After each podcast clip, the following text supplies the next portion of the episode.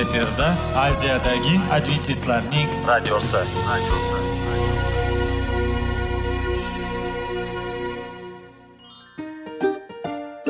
assalomu alaykum aziz radio tinglovchilar sog'liq daqiqasi rubrikasiga xush kelibsiz.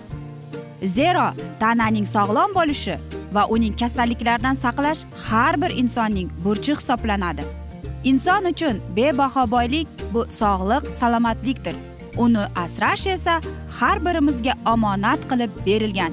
Shuning uchun ham inson o'z sog'lig'ini ehtiyot qilishi voajib amallardan hisoblanadi. Dono xalqimiz sog'liq tuman boylik deb bejiz aytmagan. Aql idroq sohibi bo'lgan inson o'z hayotini qadrlashi lozim bo'ladi. Hozirgi kunda qanchalik dori darmonlar ko'paymasin tibbiy muassa sifati shifokorlar vasiyasi tibbiy texnika yaxshilanmasin. Agar insonning o'z salomatligi haqida qayg'urmasa kutilgan natijaga erishib bo'lmaydi va biz sizlarga bizning dasturimizga xush kelibsiz deymiz.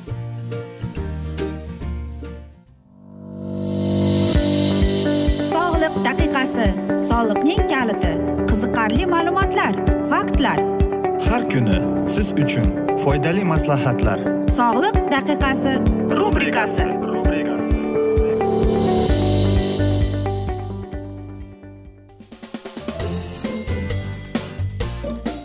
assalomu alaykum aziz radio tinglovchilar. Dasturimizga xush kelibsiz va biz sizlar bilan besh daqiqa sog'liq uchun deb atalgan dasturda xushvaqt bo'ling deb aytamiz. Va bugungi bizning dasturimizning mavzusi qanday qilib ko'p ovqat yeb lekin ozg'in bo'lib qolish kerak deb ataladi. Va umuman bu mumkinmi degan savol tug'iladi. Lekin aziz do'stlar dasturimizni boshlashdan avval sizlarga aytib o'tmoqchi edikki agar sizlarni qiziqtirayotgan savollaringiz bo'lsa va albatta siz qayerga murojaat qilsak bo'ladi degan savol tug'ilib kelayotgan bo'lsa whatsapp raqamimiz bor. Plyus bir uch yuz bir yetti yuz oltmish oltmish yetmish aziz do'stlar. Albatta bilasizmi? E, mana shunday dasturda aytmoqchimanki har bir inson shunday savol beradi. Qanday qilib men ko'p ovqat yeb lekin o'zimning vaznimni saqlab qolishim mumkin degan. Albatta bu mumkin. E, lekin qanday qilib deysizmi? Xo'sh ovqat ko'p ovqat aytadiki ozroq ovqat yeb lekin tez tez deyiladi. Bunda ham siz o'zingizning vazningizni saqlab qolishingiz e, mumkin. Lekin siz aytmoqchisizki bu mumkin emasku axir deb. Yo'q mumkin aziz do'stlar. Har bir kaloriyangizni hisobini olib nima ovqat yeyotganingizni aytaylikki siz agar desertdan bosh tortsangiz demak siz o'zingizga yarimta besh yuz gramm kaloriyani yo'q qilgan bo'lasiz.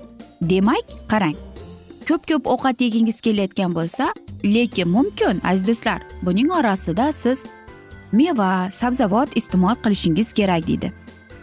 Va siz aytasiz qanday qilib bu umuman noto'g'ri bir qarasangiz ovqatni ortidan ko'p ovqat iste'mol qilmaslik kerak deb shu bir tajriba bor. Bu tajribada insonlar ko'p ovqat yegan lekin tez tez ya'ni oz ozdan tez tez yegan. Va shunda ular o'zining aytaylikki vaznini saqlab qolgan. Nega shunday bo'lgan deysizmi? Qarang. Sizga e, tuyuladiki mana shu narsa qornim ochdi yoki shu narsani yegim kelyapti deb. Ular ozgina mana shu taomdan yeb ko'radi. Bo'ldi. Haligi aytishadiku to'yib to'yib yegin haligi bo'rttirib yemasdan ozgina og'iz tiyib qo'yibgina mana shu ovqatni iste'mol qilishadi. Shunda mana shunday insonlar o'zining vaznini saqlab qolar ekan. Hattoki deydi ming kaloriyagacha deydi ular saqlab qolishga qodir shunday insonlar deydi. Lekin agar siz ko'pincha aytaylikki ko'p ko'p ovqat yeb lekin oz harakat qilsangiz unda kechirasizu sizda ortiqcha vaznning paydo bo'lishining yana bir imkoniyati paydo bo'ladi. Qanday qilib deysizmi? Chunki siz oz harakat qilyapsiz. Xo'sh aziz do'stlar men o'ylaymanki har bir inson o'ylaydi ha bunday qandaydir qilib men vaznimni saqlab qolishim mumkin. Saqlashingiz mumkin. Shifokor aytyaptiki saqlasa bo'ladi deydi. Masalan qaysidir bir taomnomalardan bosh tortsa qandaydir bir jismoniy mashqlar bilan shug'ullansa. Bilasizmi? Э, odamlar aytadiki э, masalan bitta bananni iste'mol qilgan inson deyapti. Ikki soatda mana shu kaloriyani yo'q qilish kerak. Chunki banan eng yuqori kaloriyali e, mevalardan hisoblanadi. Olmani iste'mol qilish uchun esa masalan olma iste'mol qildingizmi undagi kaloriyani yo'q qilish uchun siz yarim soat yurishingiz kerak bo'ladi. Bu albatta hammaning ham qo'lidan keladi. Lekin har bir safar ovqat iste'mol qilganingizda siz kaloriyasini hisob kitob qilishdan charchaysiz to'g'rimi? Shuning uchun ham aytyapmiz e, va sizlarga maslahat berib o'tdik. Dasturxoningizda tushlik mahalda ayniqsa belok uglevod kaloriya bo'lishi kerak. Mana shu uchta vitamin sizning qorningizni to'q tutadi va sizda qorin ochlik degan narsani o'zi yo'q bo'ladi. Aziz do'stlar albatta bu qiyin emas bu oson. Lekin o'ylaymanki mana shu narsalar sizga yordam beradi deb. Eng asosiysi mm, bu bolalarda qiyin bo'ladi. Ularni parhezga o'tirg'izish chunki bolalar shirinlik iste'mol qilgisi keladi. Chipsi fanta kola e, albatta siz doimo uni mm, boshqarib turolmaysiz lekin afsuski mana shunday ham bo'ladi. Uyda albatta siz uni qandaydir bir buni yema bu bunday bo'ladi bunday bo'ladi deysiz.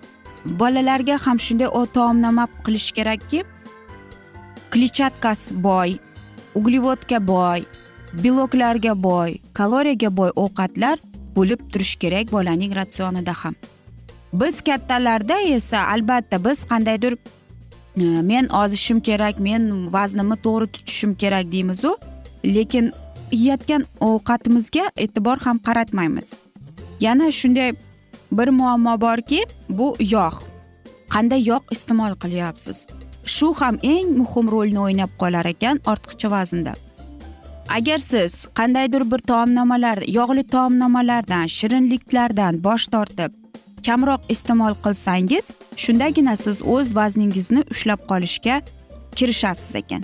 Demak qarangki mening bir tanishim aytadiki ko'p ovqat yemayman deydi. Faqat birozgina Э, buni tatib ko'raman e, va yaxshi chaynayman ovqatda deydi. Va shundagina menda xuddi deydi meni qornim to'ygandek his etaman o'zimni.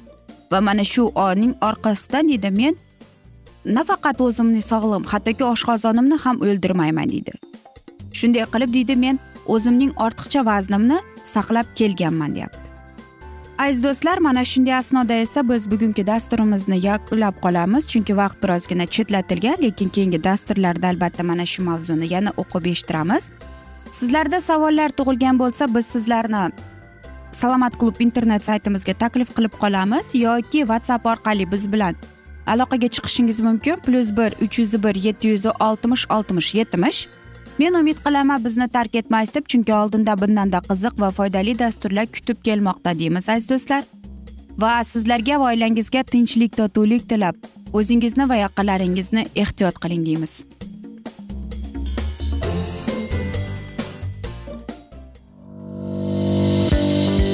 Sog'liq daqiqasi soliqning kaliti qiziqarli ma'lumotlar faktlar.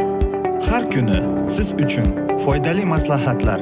Sog'liq daqiqasi rubrikasi.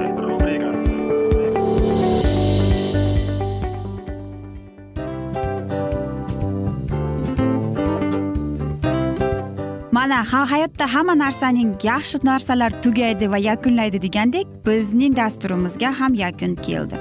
O'ylaymanki bizning dasturimiz sizga foydali bo'ldi deb aziz radio tinglovchimiz. Va siz o'zingiz uchun kerakli xulosalar kerakli maslahatlar olib oldingiz. Aziz radio tinglovchimiz biz bilan qoling va keyingi dasturlarimiz albatta undanda qiziqroq bo'ladi. Mana shu alfozda sizlar bilan xayrlashib qolaman.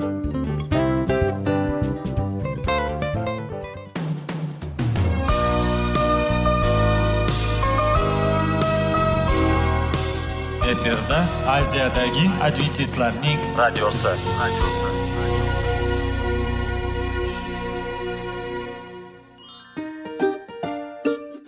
Assalomu alaykum aziz radio tinglovchilarimiz. Dil izhori dasturimizga xush kelibsiz. Pul insonni baxtli qiladimi? Albatta yo'q. Sog'liqchi? Albatta bo'lishi mumkindir. Lekin olimlar shuni isbotlashdiki to'liq va mukammal munosabatlar insonlarni baxtli qilar ekan. Albatta biz hayot davomida biz yaqin insonlar bilan odamlar bilan aloqada bo'lamiz va ular bilan munosabatlarimiz qanday kechadi qanday tuziladi? Yigit va qiz er va xotin ota ona va farzandlar va yaqin insonlar bilan.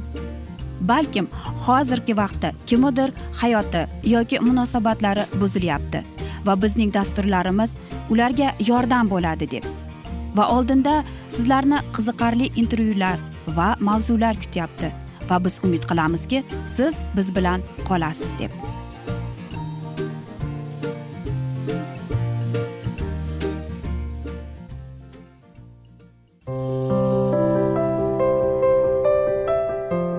Kuni har xil kasbdagi odamlar bilan sirlashish va bo'lishish sevgi rashq munosabat bularni hammasi dil izhori rubrikasida.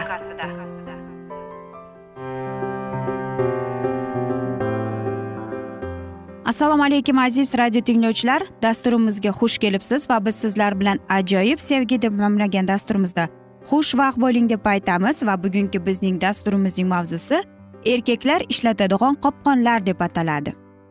Birinchi qopqoni bu haqiqiy sevgi deb ataladi. E, bilasizmi bir tajriba shuni ko'rsatdiki haqiqiy e, mana shunday eng ko'p ishlatadigan erkaklar qopqoni bu haqiqiy sevgi deb. Ya'ni erkak kishi shunday iborani ibratni ishlatar ekan. Agar sen meni sevsang shunga meni e, sen menga bu narsani man etmaysan deb. Albatta erkaklar deydi bu qopqonni asrlar davomida ishlab keladi deydi. Lekin mana shunday savolning o'rtasida siz o'ylanib ko'rishingiz kerak. Bo'pti agar erkak kishi o'zi xohlagan narsasini oldi ham deylik nima bo'ladi deb? U sizni sevadimi? Buning isboti nima deb savol berishingiz kerak. Balkim u sizni aytaylikki o'zining g'arazli niyatida ishlatib kelar. Lekin agar mana shunday deydi qopqonga tushib qolganingizda deydi siz e, so'zlariga e'tibor qaratishingiz kerak. Birinchi uning belgisi u sizga maqtov so'zlarni aytadi. Masalan sening qomating juda chiroyli ekan yoki sen judayam chiroyli ekansan ko'zimni uzolmadim deb yoki bilasanmi sening ko'zlaring judayam go'zal deb aytadi. Va albatta yana olimlar shunday so'rovnomalarni o'tkazganda ko'p erkaklar to'qson foiz erkaklar deydi aynan mana shu so'zlarni ishlatishar ekan. Albatta ayol kishiga mana shunday so'zlarni eshitish judayam yoqimlidir. Lekin bu qopqonligini ayol kishi tushunishi kerak. Xo'sh yana bir usul qopqon bu albatta rahmdillik. Va birinchi o'rinda erkaklar aytadiki mening ayolim men bilan ajrashib ketdi. Men shunga loyiqman. Chunki men uning palonchi palonchi yoki aytaylikki ko'nglini og'ritdim xiyonat qildim.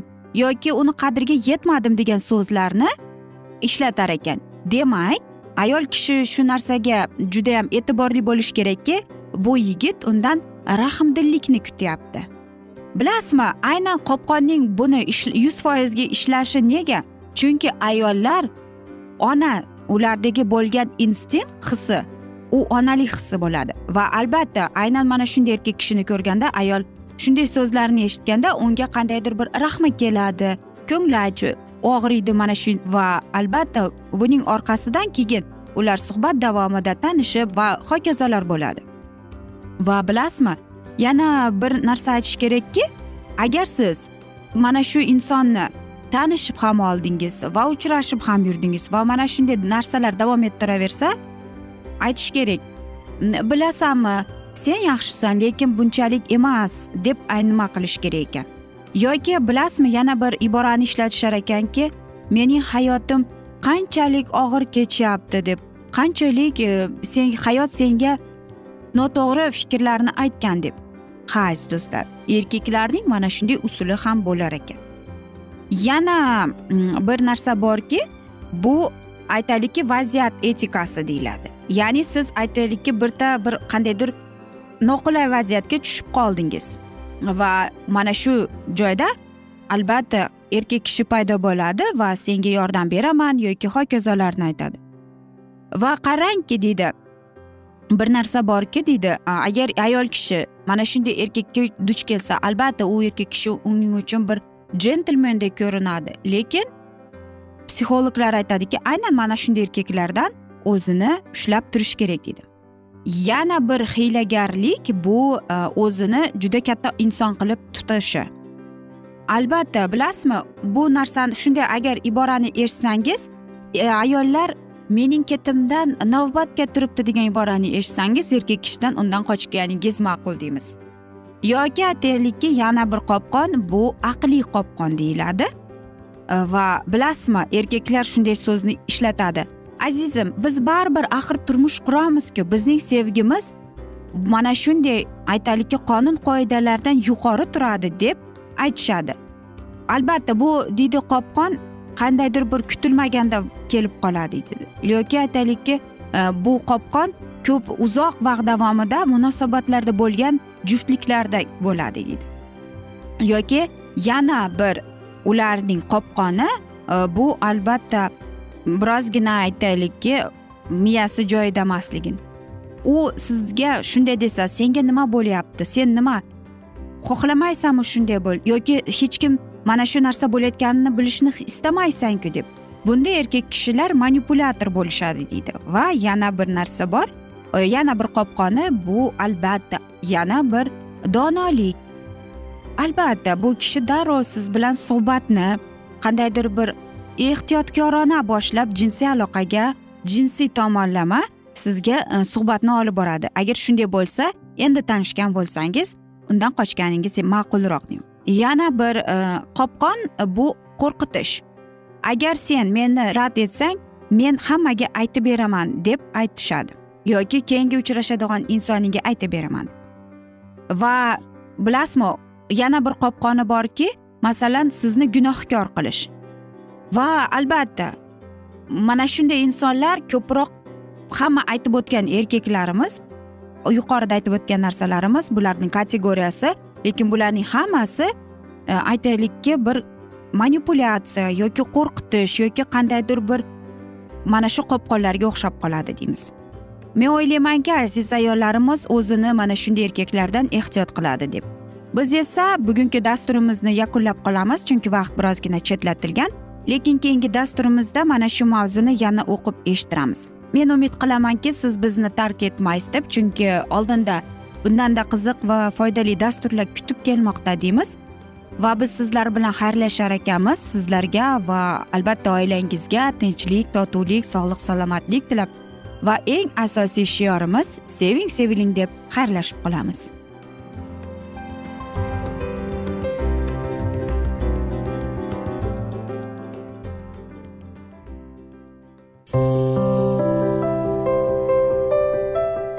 Har kuni har xil kasbdagi odamlar bilan sirlashish va bo'lishish sevgi rashq munosabat bularni hammasi dil izhori rubrikasida.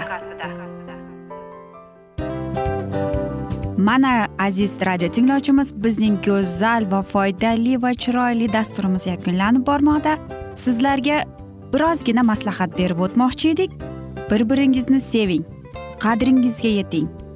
Va erkalang albatta bir biringizni va sizga judayam chiroyli va mustahkam munosabatlar tilab qolamiz albatta. Sevgilingiz doimo yoningizda bo'lsin. Mana shu borada sizlar bilan xayrlashib qolamiz. Xayr.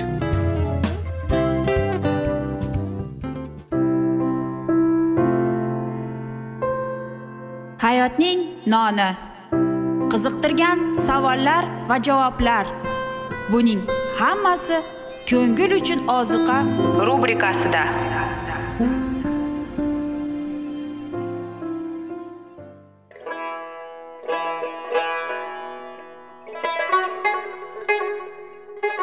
Assalomu alaykum aziz radio tinglovchilarimiz. Ko'ngil uchun oziqa rubrikasida xush kelibsiz deymiz. Siz haqiqatni izlayapsizmi? Olamnimi? Umidnimi?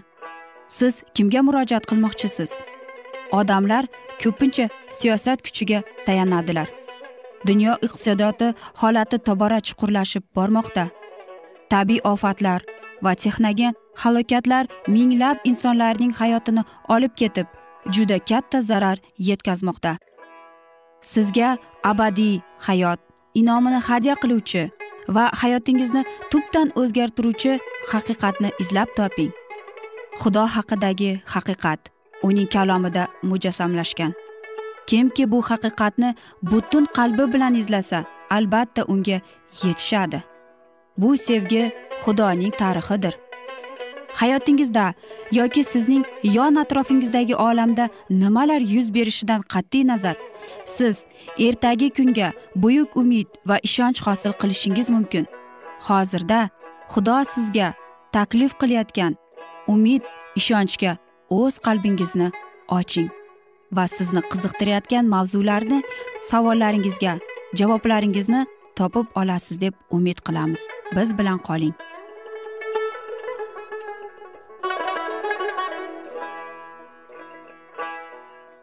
Assalomu alaykum aziz radio tinglovchilar. Dasturimizga xush kelibsiz va biz sizlar bilan ulug' otalar va payg'ambarlar deb nomlangan dasturimizda xushvaqt bo'ling deb aytamiz va bugungi bizning dasturimizning mavzusi isroilning birinchi podshohi deb ataladi va bu o'tgan galgi dasturimizning mavzusining yana davomidir.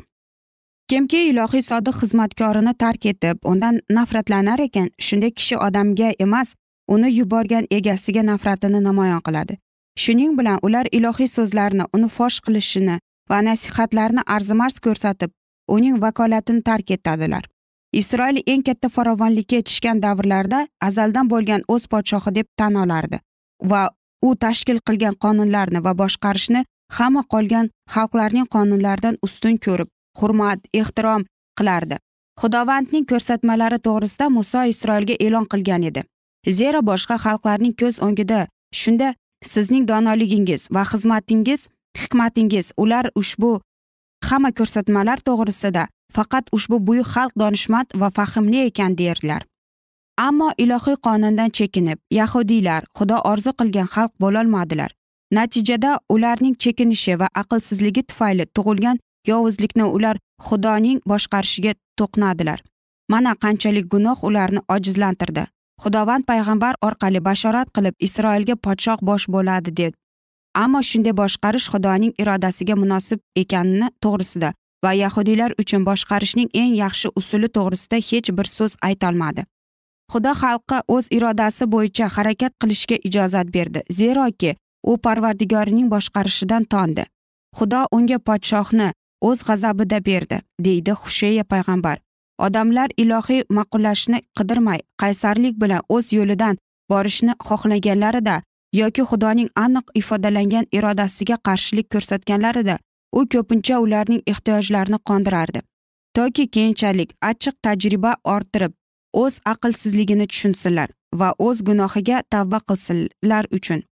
Insoniy iftiforlik va donolik haddan xavfli yo'ldoshchilar ilohiy irodaga qarshi yurakning orzu qilgani keyinchalik inoyat o'rniga tezroq la'nat keltirishi turgan gap. Xudo xohlaydiki toki uning xalqi faqat unga tanho qonun beruvchini va kuch manbai ko'rsinlar deb. Xudoga o'z qaramligini his qilib yahudiylar doimo unga intilardilar. Tanlagan xalq sifatida ular da'vat etilishlariga binoan olijanob va baland tuyg'ularga ega bo'lsinlar edi. Ammo o'zlariga podshoh tanlab ular albatta o'z e'tiborini xudodan uzoqlashtirardi. Va ko'proq ilohiy kuchga tayanmay inson kuchiga ishonardilar va podshohning qonunsizligi esa xalqli gunohga yo'liqtirilib tamoman xudodan uzoqlashtirardi. Shomuelga xalqning talabini qondirishga buyruq berildi ammo u xudoning noroziligini ularga yetkazib shunday harakat tarzining oqibatlari to'g'risida ogohlantirib qo'yishi lozim bo'ldi.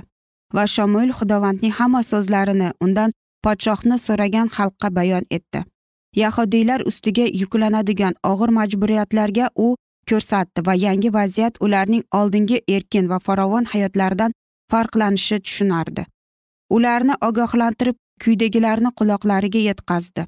Podshoh boshqa podshohlarning boyligiga tahdid qilib xalqdan juda ko'p narsalarni talab qiladi va ularning xizmatini va mol mulkini u o'zi uchun xalq ichidan eng go'zal yosh yigitlarni saylab ularni aravakash va tez yuradigan elchilarga aylantirdi.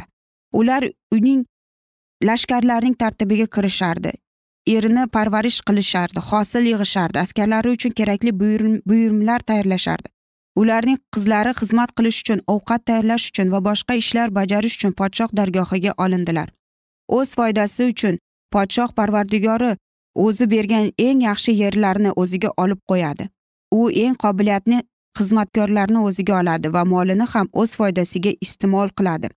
Shundan tashqari hunarning yoki yer mahsulotining daromadidan undan bir qismini podshoh talab qilib oladi va o'zlarining unga qo'l bo'lasizlar deb yakunlab payg'ambar shunda o'zingiz tanlagan podshohga qarshi isyon ko'tarasizlar va xudovand shu payt sizlarga javob bermaydi deydi. Ammo ushbu zulm qanchalik og'ir bo'lmasin tashkil etilgan podshohlikni ular xohlagan vaqtda ag'darib tashlay olmaydilar.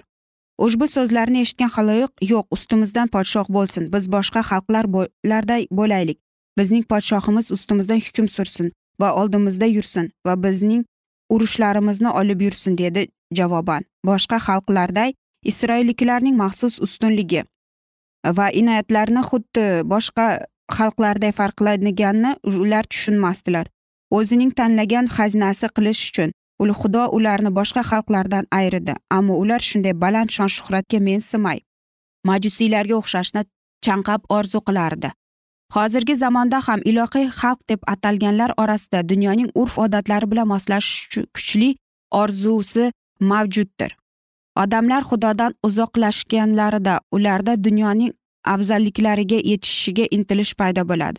Afsuski imonlilar doimo ushbu dunyoning xudosiga topinganlarning oqibatlariga taqlid qilishga intildilar. Ko'plar ishonardilarki imonsiz odamlar bilan yaqin muomala bog'lab va ularning odatlari bilan moslashib ular imonsizlarga katta ta'sir qila olishlariga dunyoga do'st bo'lib ular xudoning dushmaniga aylandilar. Foniy hurmatga yetish uchun ularga xudo nasib etgan o'lchovsiz baland oriyatini qurbon keltirdilar. Xudo ularni qorong'ilikdan o'zining ajoyib nuriga da'vat etdi deydi va shu muqaddas haqiqatni ular tushunmaydilar va shuning uchun xudoni ulug'lamaydilar deydi. Aziz do'stlar mana shunday asnoda esa biz bugungi dasturimizni yakunlab qolamiz chunki vaqt birozgina chetlatilgan lekin keyingi dasturlarimizda mana shu mavzuni yana o'qib eshittiramiz va o'ylaymanki sizlarda savollar tug'ilgan. Agar shunday bo'lsa bizlar bilan whatsapp orqali aloqaga chiqishingiz mumkin. Bizning whatsapp raqamimiz plyus bir uch yuz bir yetti yuz oltmish oltmish yetmish umid qilamanki bizni tark etmaysiz deb chunki oldinda bundanda qiziq va foydali dasturlar kutib kelmoqda deymiz. Va biz sizlarga sog'lik salomatlik tilab xayrlashib qolamiz.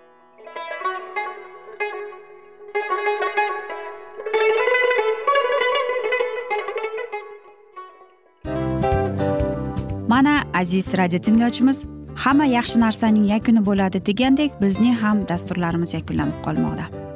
Aziz do'stlar o'ylaymanki bizning dasturlarimiz sizlar uchun judayam foydali bo'ldi deb bizning dasturlarimizdan siz o'zingizga foydali va judayam kerakli maslahatlar oldingiz deb. Masalan sog'liq borasida. Biz sizlarga sog'liq tilaymiz albatta lekin bizning maslahatlarimizga ham amal qilishga unutmang. Munosabatlarga kelganda bu munosabatlar chuqur va yaxshi bo'lishi uchun uni ustidan ishlash kerak albatta. Diniy masalaga kelsak aziz do'stlar bu judayam jiddiy va chuqur nazarni talab qiladi. Ammo biz sizlar bilan xayrlashib qolmaymiz keyingi dasturlarda eshittirishimizni davom ettiramiz va sizlar bilan mana shu yaxshi kayfiyatda xayrlashib qolamiz. Va keyingi dasturlarda ko'rishguncha xayr!